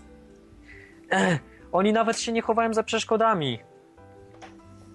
Oj, mam nadzieję, że to poprawią. Mało tego, ten pancerz wspomagany świadczy o tym, ja nie wiem jaki to był poziom trudności zaprezentowany, ale pokazuje, że jesteś nieśmiertelny prawie w nim. W pierwszych, drugich, trzecich teoretycznie też i, i nawet w New Vegas, jak miałeś ubrany pancerz wspomagany, to szpon śmierci stanowił dla ciebie nie lada wyzwanie, bo jest on, za, jest on zaprezentowany jako istota, która potrafi się przedrzeć swymi szponami przez wszystko. E, co się dzieje w czwórce? Nic! Szpon śmierci ci prawie nic nie robi. Każdy spo... wspomagany, nic mi nie zrobicie. No, mniej więcej, no mniej więcej niestety to tak wygląda. I w sumie w zasadzie to, to chyba wszystko. Mógłbym się jeszcze przyczepić bardziej tych pancerzy wspomaganych, gdzie masz po prostu różne technologie. Na przykład masz pancerz wspomagany enklawy, tam MK2, masz pan, pancerz wspomagany, nie znam dokładnych modeli teraz, bo dawno nie grałem, ale pancerz wspomagany ten MK1 z jedynki i gościu po prostu w czwórce sobie żongluje hełmami i częściami z jednego pancerza do drugiego, gdzie teoretycznie one nie powinny być w ogóle kompatybilne ze sobą. Ale okej, okay. Bethesda sobie tak wymyśliła, bo crafting pancerzy czy coś czy tam modding, czy jak to tam nazwać. Yy, co, co w sumie jeszcze, no... Hmm, w zasadzie to, to jeszcze bronie czasami ta modyfikacja broni dziwnie wygląda, ale to już jest moje takie straszne czepialstwo, bo... bo... Szczerze? Myślę, że jako to, że to, to jest gra Bethesdy, to życie zaraz powstanie y, niezły zbiór modów na Nexusie i większość obaw, które tu mamy, pewnie zostaną usunięte przez te mody. Nie, nie. E, to znaczy, e, grałem w New Vegas na modach, które całkowicie próbowały zmieniać grę, mimo wszystko nie są w stanie naprawić wszystkich rzeczy. Mało tego, większość modów wprowadza własne błędy, więc są elementy, które są na tyle zakorzenione w silniku, jeżeli chodzi o rozgrywkę, że nie da się ich naprawić po prostu błędami, albo jest bardzo ciężko. Na przykład e, w New Vegas gdzie ja grałem na bardzo dużej ilości modów, które całkowicie zmieniały rozgrywkę w grze, na tyle, że moja postać zazwyczaj ginęła od jednego strzału w głowę, żeby było bardziej realistyczne w New Vegas, co było bardzo fajne, bo gra była realistyczna i ty w zasadzie musiałeś się skradać i kombinowałeś jak zrobić, żeby nie zginąć i, i naprawdę poziom trudności wzrósł bardzo, bo tak w ogóle w tych grach Bethesdy ostatnio poziom trudności nie jest jakąś w ogóle przeszkodą. E, poprawiała bardzo realizm. Oczywiście pewnych właśnie rzeczy nie da się poprawić. E, I na przykład jak dalej walczysz z legatem na końcu gry i masz broń, która strzela mini bombami atomowymi. E, chodzi mi oczywiście o Fatgana w New Vegas i w trójce. to dalej gościu ubrany w mosiężny pancerz na końcu gry, mimo że jest zwykłym człowiekiem, Fatgun mu prawie nic nie robi. Na najtrudniejszym poziomie trudności. Znaczy na najtrudniejszym, na prawie na każdym poziomie trudności. Gdzie taka broń teoretycznie powinna rozerwać człowieka bez żadnego takie. To jest, to jest coś, co, co strasznie mi odbiera klimat, i niestety to także jest obawa, że w czwórce będzie to samo, że po prostu będą ludzie i będą Hiroshi, gdzie, których nie można zabić, niezależnie od tego, jaką broń byś posiadał. Tak samo mam jeszcze, w zasadzie jeszcze może się pojawić coś takiego jak w trójce, gdzie będzie fatgun i nikt z niego nie będzie korzystać oprócz głównej postaci. Bo w zasadzie to ktokolwiek korzystał z fatguna oprócz głównej postaci? W jakiejkolwiek, w trójce albo w New Vegas? Bo ja nie kojarzę sobie teraz. Ja tam nie wiem. Ja też sobie nie przypominam akurat. To taki trochę off-top jest w tym momencie, ale... No, no okej. Okay. Tyle. Eee... W zasadzie to macie, znaczy macie jakieś pytania, po prostu chcieliście coś sprostować, bo, bo tak się nie odzywacie, nie wiem, czy, czy nie daje dojść do słowa, czy może ktoś chciałby coś powiedzieć własnego, jakieś własne odczucia. Ja, ja chciałbym się zapytać, e, co myślisz o tej kwestii, że nie ma w Falloutie 4 skilli? To znaczy, tego nie wiemy, czy nie ma do końca. Znaczy, ja nie wiem, czy tego nie sprostowali, ale teoretycznie teoretycznie nie powinno ich być.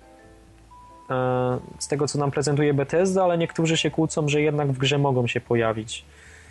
Ja tu mam screeny przed sobą i na Pip-Boyu mam tylko w statystykach status, special i perki.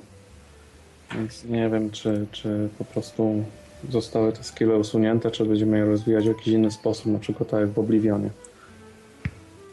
Hmm. Nie mam pojęcia. Możliwe, że, że tak. To, co sądzę, nie wiem, co o tym myśleć. Nie wiem, jak to bardzo wpłynie na grę. Niektórym to bardzo przeszkadza, bo dla niektórych to jest e, jeszcze większe uproszczenie gry. Dla mnie po prostu musiałbym zagrać, żeby to stwierdzić. W sumie nie mamy praktycznie teraz na tym etapie żadnego oficjalnego info na ten temat, więc możemy sobie tylko gdybać. No można sobie tylko gdybać. E, no to co, no to mamy swoje obawy, mam powiedzieć, Czy... co nam się nie, nie, podoba. nie, nie, nie, nie, nie, Czy, czy, czy, jest, czy jeszcze chcecie, chcecie coś dodać? Ja chciałem coś dodać i też mi wyleciało z głowy. Zero to wymyśl coś. Znaczy się, jeżeli ja coś mam powiedzieć takiego, co mi się osobiście podobało póki co ze wszystkich trailerów, co naprawdę mało tych jest rzeczy, w sumie to mógłbym na palcach jednej ręki wymienić, no to, że jak mamy ten system całego waka, tak, to że nie jest on tak zrobiony Wac? głupio. No tak, ten, ten wak, tak, wac. Że nie jest on tak zrobiony głupio, że nagle czas ci się zatrzymuje zupełnie, jest w ogóle odcięcie od rzeczywistości i ty masz moment, w którym możesz sobie Ha. wybrać, hmm, czy trafić go w głowę, czy może jednak w nogę. Tylko faktycznie to jest spowolnione oczywiście odpowiednio, ale dalej masz to poczucie, że jeżeli nie, e, nie podejmiesz jakiegoś działania, jeżeli nie, nie, nie wymyślisz tego, gdzie chcesz strzelić, jeżeli odpowiednio szybko tego nie e, za, zaalarmujesz, tak? Nie wiem, no.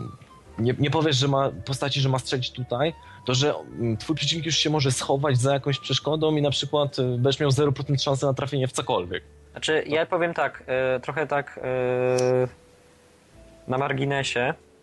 Nie rozumiem reakcji ludzi na E3, jak to zobaczyli. Zrobili takie wow! Jakby to naprawdę było coś takiego, że niemożliwe do zrobienia na starszej wersji komputerów, czy coś takiego. Czy niemożliwe do zrobienia w 2007 roku, tak? To jest premiera Fallouta 3? 8. 8 roku. 2008. E, Dla mnie na przykład to jest dziwne, że Bethesda wprowadziła to dopiero teraz. I nie wiem czemu. To, co mówisz faktycznie, że, że ten czas gdzieś mija w grze przy celowaniu, to jest bardzo fajne. Szczególnie, że trochę z wacem czasami ja na przykład miałem trochę błagów, e, gdzie na przykład strzelasz do jakiejś postaci, okazuje się, że twoja lufa z pistoletu e, przenika przez niego, masz długi karabin, oh yeah, i nie jesteś w stanie w niego trafić, mimo że gra stwierdza, że na przykład masz 90% trafienia. Y, Tutaj będzie to na tyle fajne, że nie będzie zatrzymywało czasu i nie zdążysz, trudno, dostaniesz w głowę, jak ktoś za blisko stoi, albo ktoś do ciebie strzeli, albo cokolwiek innego. co faktycznie może bardzo fajnie wpływać na rozgrywkę. E, No tak, szczególnie, że patrząc, e, faktycznie to rozwiązanie miało jakieś tam przełożenie w Falloutie 1 czy 2, bo tam ta gra była taktyczna, tak? Nie no, tam było taktyczne. A... Tak, i właśnie ten VAT miał jakikolwiek ten. Właśnie był, był jakikolwiek sens, żeby to było akurat zatrzymane, tak? Bo w sumie cała gra była stricte no, statyczna, miałeś tury i sobie wybierać po kolei. Natomiast w trójce już nasz, y, nadeszła zmiana na taką bardziej dynamizację tej walki, ale jednak ten, ten element tego waca, czy tam waka, nie wiem jak to tam poprawnie się. Wac. y, To. E, to jednak w trójce on zaburzał trochę tą, ten, całą tak jakby płynność tej walki, tak?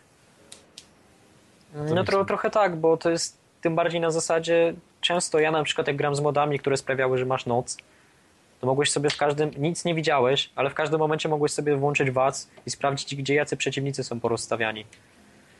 I Znaczy, o mój Boże. To był troszeczkę taki na siłę wciśnięcie jednak tego. Tak, to, to tylko było po to, kwestii żeby, mi się tak wydaje, żeby trochę zmylić, znaczy zmylić to jest takie, wiecie, że wszędzie teorie spiskowe. Nie, ale trochę nawiązanie do starych części, żeby, że niby trójka ma się czymś odznaczać wśród innych FPS-u, RPGów. Mi się wydaje, że to było też, znaczy to jest też takie moje osobiste przypuszczenie, że to po prostu było dla tej mm, widowni, która miała faktycznie stycz- styczność z jedynką i z dwójką, żeby nie było e, a gdzie żeście usu- usunęli tego waca, a 2 na 10 nie polecam. Nie, nie, dlatego że w jedynce i w dwójce, w dwójce bardziej, Wac był przynajmniej przeze mnie, w sumie przez większość ludzi, których znam, stosunkowo rzadko wykorzystywany. Znaczy inaczej, nie był na tyle ikoniczny i charakterystyczny dla tej gry, żebyś nie wiadomo jak to traktował. To, bo to nie było coś jakiegoś magicznego, tak jak w trójce, że zatrzymujesz czas i sobie myślisz, w głowę czy w nogę? A w trójce to po prostu było tak, że ty masz rzut izometryczny i nie jesteś w stanie celownikiem wycelować, czy chcesz strzelać w głowę, czy w co. Dlatego masz dodatkowy ekran, czy, w którym sobie po prostu wybierasz, w którą kończynę ciała chcesz strzelać. E, W trójce to nie jest takie bezpośrednie nawiązanie do tych pierwszych części. Znaczy, moim zdaniem to jest po prostu, żeby ta gra się czymś wyróżniała i żeby udawała, że zaczerpnęła więcej elementów, ale nie jest to coś, co ma być takim bezpośrednim jakby nawiązaniem. Nie, no pewnie, no to jest, to jest tylko nasza tam jakaś sfera gdybań, także dlaczego to, a nie tak. Znaczy w zasadzie to tak, bo no, nie wiemy wszystkiego. No. Wiem w sumie jeszcze o czym chciałbym wspomnieć, co mi się. Bo w sumie na początku powinienem sobie, sobie to podzielić. Co mi się podoba jako dla gracza, który dostaje nową grę, tak, z nowymi elementami, a co mi się nie podoba dla kogoś, kto jest betonem, jeśli chodzi o Fallouty pierwsze i w ogóle, że tylko pierwsze Fallouty. Nie wiem, czy to jest nostalgia, czy to jest po prostu głupota, czy co. Może te gry były po prostu tak genialne. E, Więc to, co jeszcze mi strasznie klimat odbiera, ale z drugiej strony mi się trochę podoba, bo nie powiem, że nie, to jest Pip-Boy, E, bo o tym nie wspomnieliśmy. Pip-Boy dostaje zupełnie nowy interfejs, ale to, co mi się strasznie okropnie nie podoba, to te animacje, które z jednej strony są ładne, a z drugiej strony nie mają sensu kompletnie w tym świecie.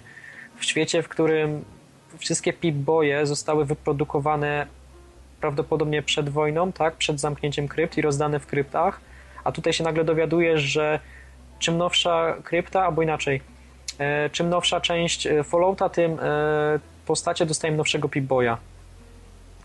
I dlaczego na przykład Pip-Boy z krypty, nie wiem, której w sumie tam zaczynasz, ale dlaczego Pip-Boy z Fallouta 4 jest w stanie, nie wiem, działać jak Game Boy, że dostajesz gry na kasetach, tak? I animacje są wyświetlane w 60 FPS-ach, a, a na przykład stare Pip-Boye potrafi wyświetlać tylko statystyczne animacje. To jest głupie, tym bardziej, nie pasuje do klimatu, jeżeli chodzi po prostu to tworzy komputer, ale już oparty, nie wiem, o krzem, a nie o te y, tranzystory wielkości szklanki, jak czy tam oparte o lampy, czy o cokolwiek innego, jak w, nawet w trójce, czy, czy w jakim innym follow, jakimkolwiek innym followcie. Jak nie podoba wam się to, to możemy to wyciąć. W zasadzie to było takie, że była przerwa dłuższa i dopiero zacząłem o tym rozmawiać. Jak wyjdzie, tak wyjdzie. To nie ode mnie zależy. Dobra. Myślę, że to wszystko w zasadzie na temat y, Fallouta 4. Ja osobiście z jednej strony czekam na grę, z drugiej strony nie mam zamiaru jej kupować przed premierą. Kupię ją raczej jak stanieje. E, I tak jak mówię, z jednej strony mi się ta gra podoba strasznie pod względem mechanik, która wprowadziła, bo gameplayowo może być ciekawa, naprawdę. Może bardzo przyjemnie e, będzie się w to grać. Z drugiej strony, moim zdaniem, będzie strasznie bez klimatu, jeżeli chodzi w ogóle o post-apo, jeżeli chodzi o klimat i moim zdaniem trochę będzie za bardzo amerykańska, co, co, co dla mnie będzie dużą wadą. W, serio, tak, w sensie taka głupia amerykańska. Jak wasze odczucia w zasadzie?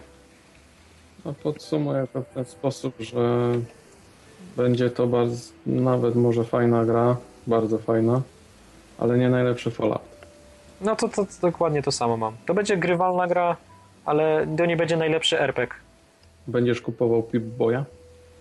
E, Do iOS-a nie. Nie, e, ja, ja bym chciał powiedzieć, bo ja z Falloutem nie miałem dużej styczności i z tego co to- Heretyk. O nie. Nie. Wydaje, wydaje mi się fajną grą, tak? To ja już dorzucę swoje ostatnie trzy grosze. Powiem tak, tak jak zgodzę się z Crispinem oraz z Ziglem, to może być naprawdę fajna gra. Pytanie, czy to będzie naprawdę fajny Fallout. Nie, ja, ja mam inaczej. Ja mam, to może być naprawdę fajna gra. Pytanie, czy to w ogóle będzie RPG. Hmm.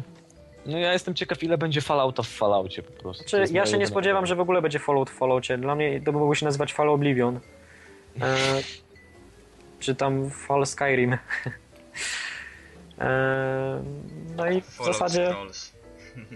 ja po prostu się boję, że tam nie będzie w ogóle elementów RPG, że ta gra tylko nazywa się...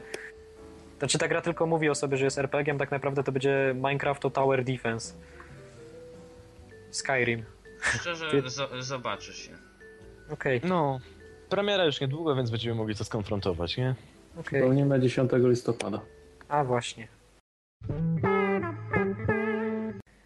I to wszystko na ten 199 odcinek DualShock Podcast. E, Mam nadzieję, że tematy, właściwie to mamy nadzieję, że tematy były takie w miarę przystępne, że jakoś się zwięźle na ich temat wypowiedzieliśmy. Nie atakujcie nas od razu, chyba pierwszy raz nagrywamy podcast. E, Generalnie jeszcze można by było rozwiązać e, kwestię tego, z kim jesteśmy w zasadzie, dlaczego nie ma Odina. E, To nie jest tak, że całkowicie zastępujemy Odina, po prostu e, stwierdziliśmy, że awaryjnie nagramy podcast, bo dawno nic się nie ukazywało na stronie. No tak Odin oczywiście... Roku. Słucham? No tak z pół roku podcastu nie było. No, no. Odin oczywiście się będzie pojawiał w podcastach, prawdopodobnie pojawi się w następnym. Póki co ma dość naciągnięty harmonogram, czy jak to tak ładnie powiedzieć. E, No i w zasadzie chyba wszystko, nie? Żegnałem się z wami Warins, Orzeł. Oraz Kryspin. Do następnego.